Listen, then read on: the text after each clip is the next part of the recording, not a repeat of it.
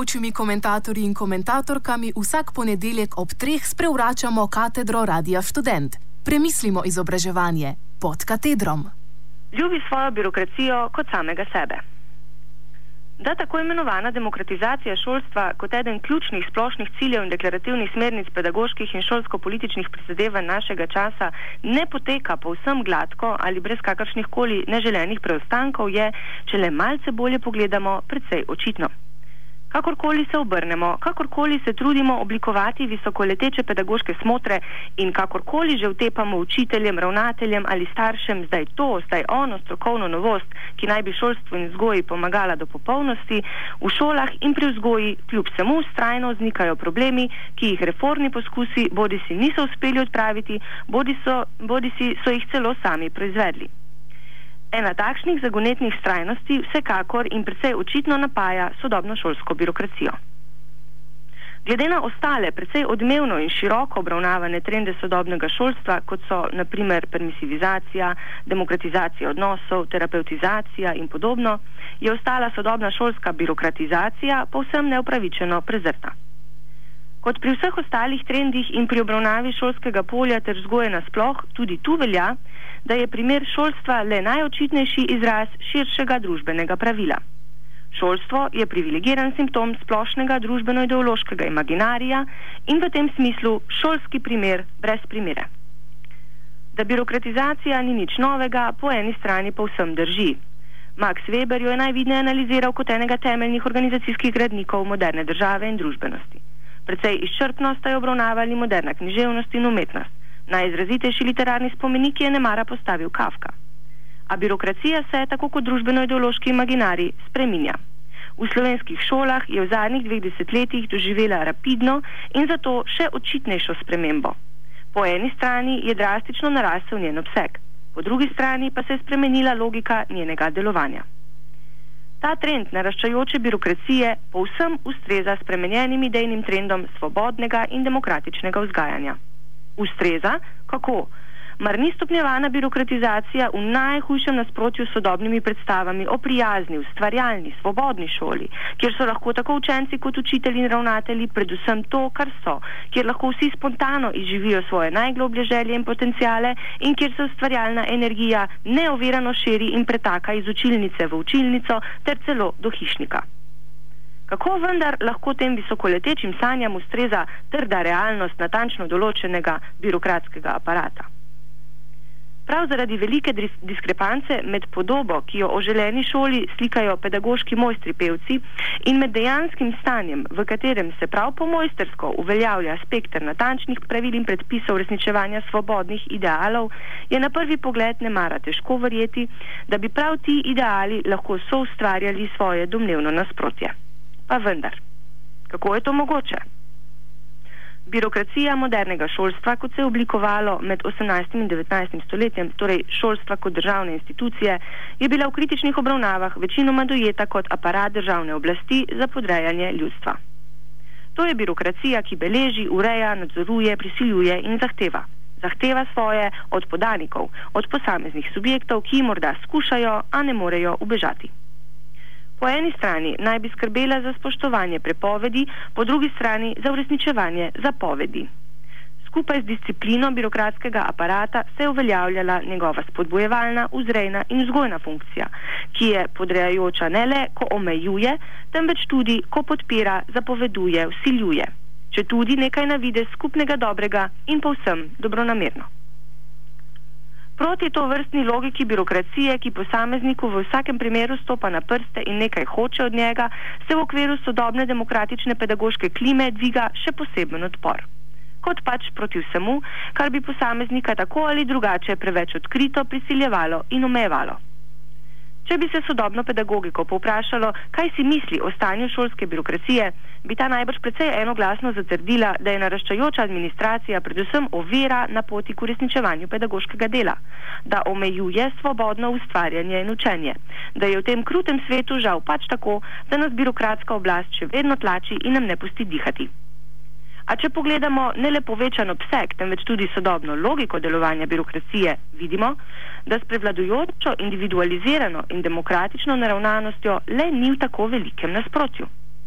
Večina birokratskih poslov se v sodobnih šolah namreč deklarativno odvija prav v imenu zagotavljanja demokratičnosti ter posameznikovih pravic in interesov.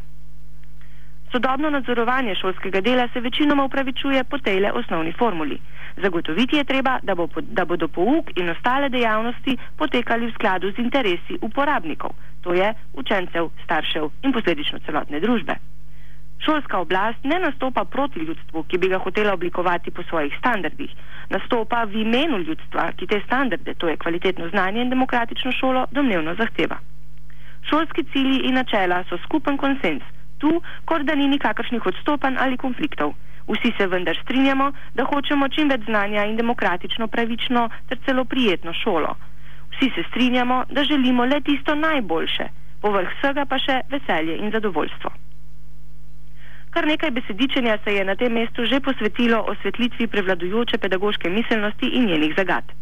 Ključni leitmotiv sodobnih vzgojno-izobraževalnih koncepcij, ki pri tem stopa v spredje, je svojstvena pedocentričnost, osrediščenost na subjekt pedagoških prizadevanj, ki se ne predpostavlja le v otrocih, kjer je torej zdaj najočitneje, temveč kar pri vseh.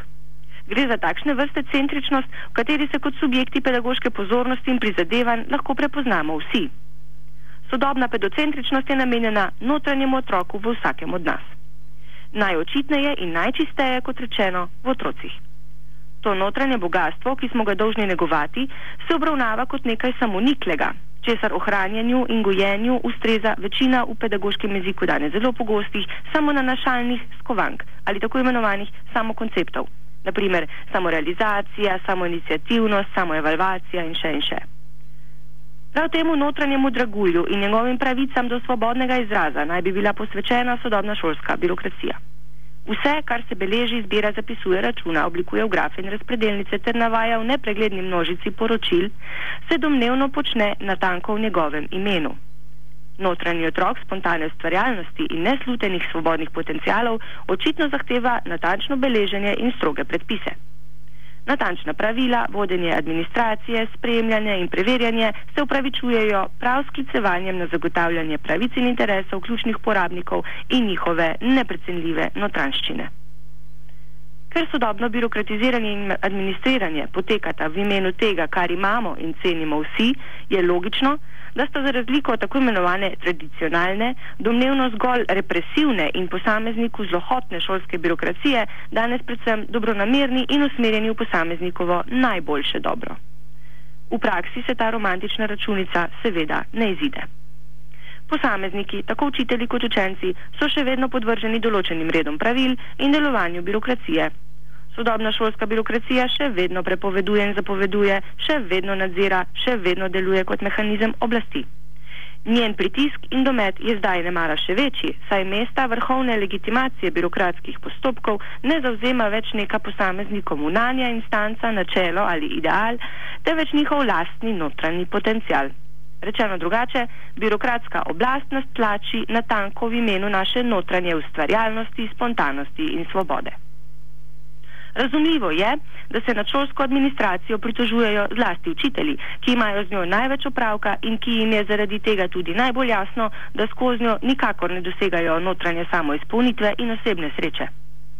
Predvsem njim je najbrž predvsej razvidno tudi, da vsa silna birokratska dejavnost v zadnji instanci kvaliteti pouka in k temu, koliko se otroci učijo in koliko znajo, ne prispeva ničesar.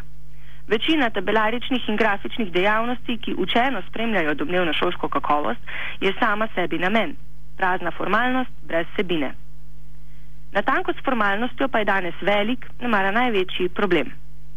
Kljub temu, da trend sodobne šolske in tudi splošne družbene birokratizacije jasno priča o naraščajočem pomenu formalnega zapisa, se na deklarativni ravni prevladujoče ideologije pomen enotne oblike, formalnosti ali kalupa prezira kot še nikoli.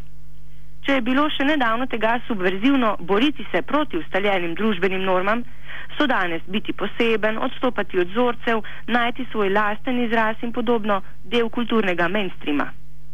Z malce pretiravanja bi lahko rekli, da si danes še najbolj nestandarden, drugačen in subverziven, če si popolnoma prilagojen in povprečen.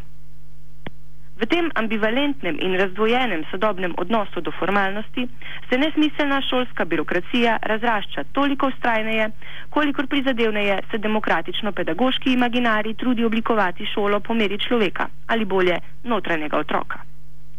Pedagoška utaja neizogibne formalnosti, ki se ji na deklarativni ravni pripisuje zgolj nezaželene represivne učinke, dejanskih formalnih okvirjev in prisile nikakor ne odpravlja.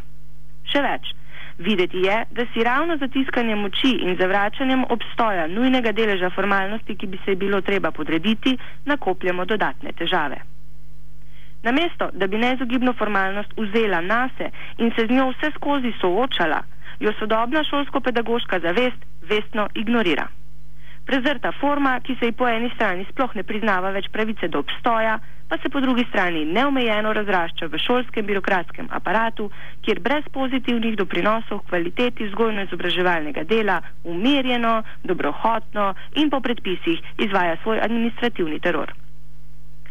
Ena najvidnejših svetih knjig sodobne izobraževalne ideologije, poročilo Mednarodne UNESCO-ve komisije za izobraževanje v 21. stoletju s pomenljivim naslovom Učenje, skriti zaklad, nam v svojem epilogu med drugim sporoča naslednje. Navajam. Namesto da je človek človeku volk, homo homini lupus, lahko s pomočjo izobraževanja, ki ostaja zvesto svojim skupinskim ciljem, postane prijatelj človeku, homo homini amicus. Konec navedka. V šolah se dnevno zapisujejo drugačni epilogi. Šolski vsakdan namreč v precejšnji meri določa realnost birokracije, ki se na vkljub vsej pedagoški dobronamernosti in izpričanemu zaupanju v moč izobraževanja požvižga na prijateljski pedagoški duh in se ravna predvsem po črki maksime človek človeku birokrat. Komentar sem pripravila, Vesna Pobežin.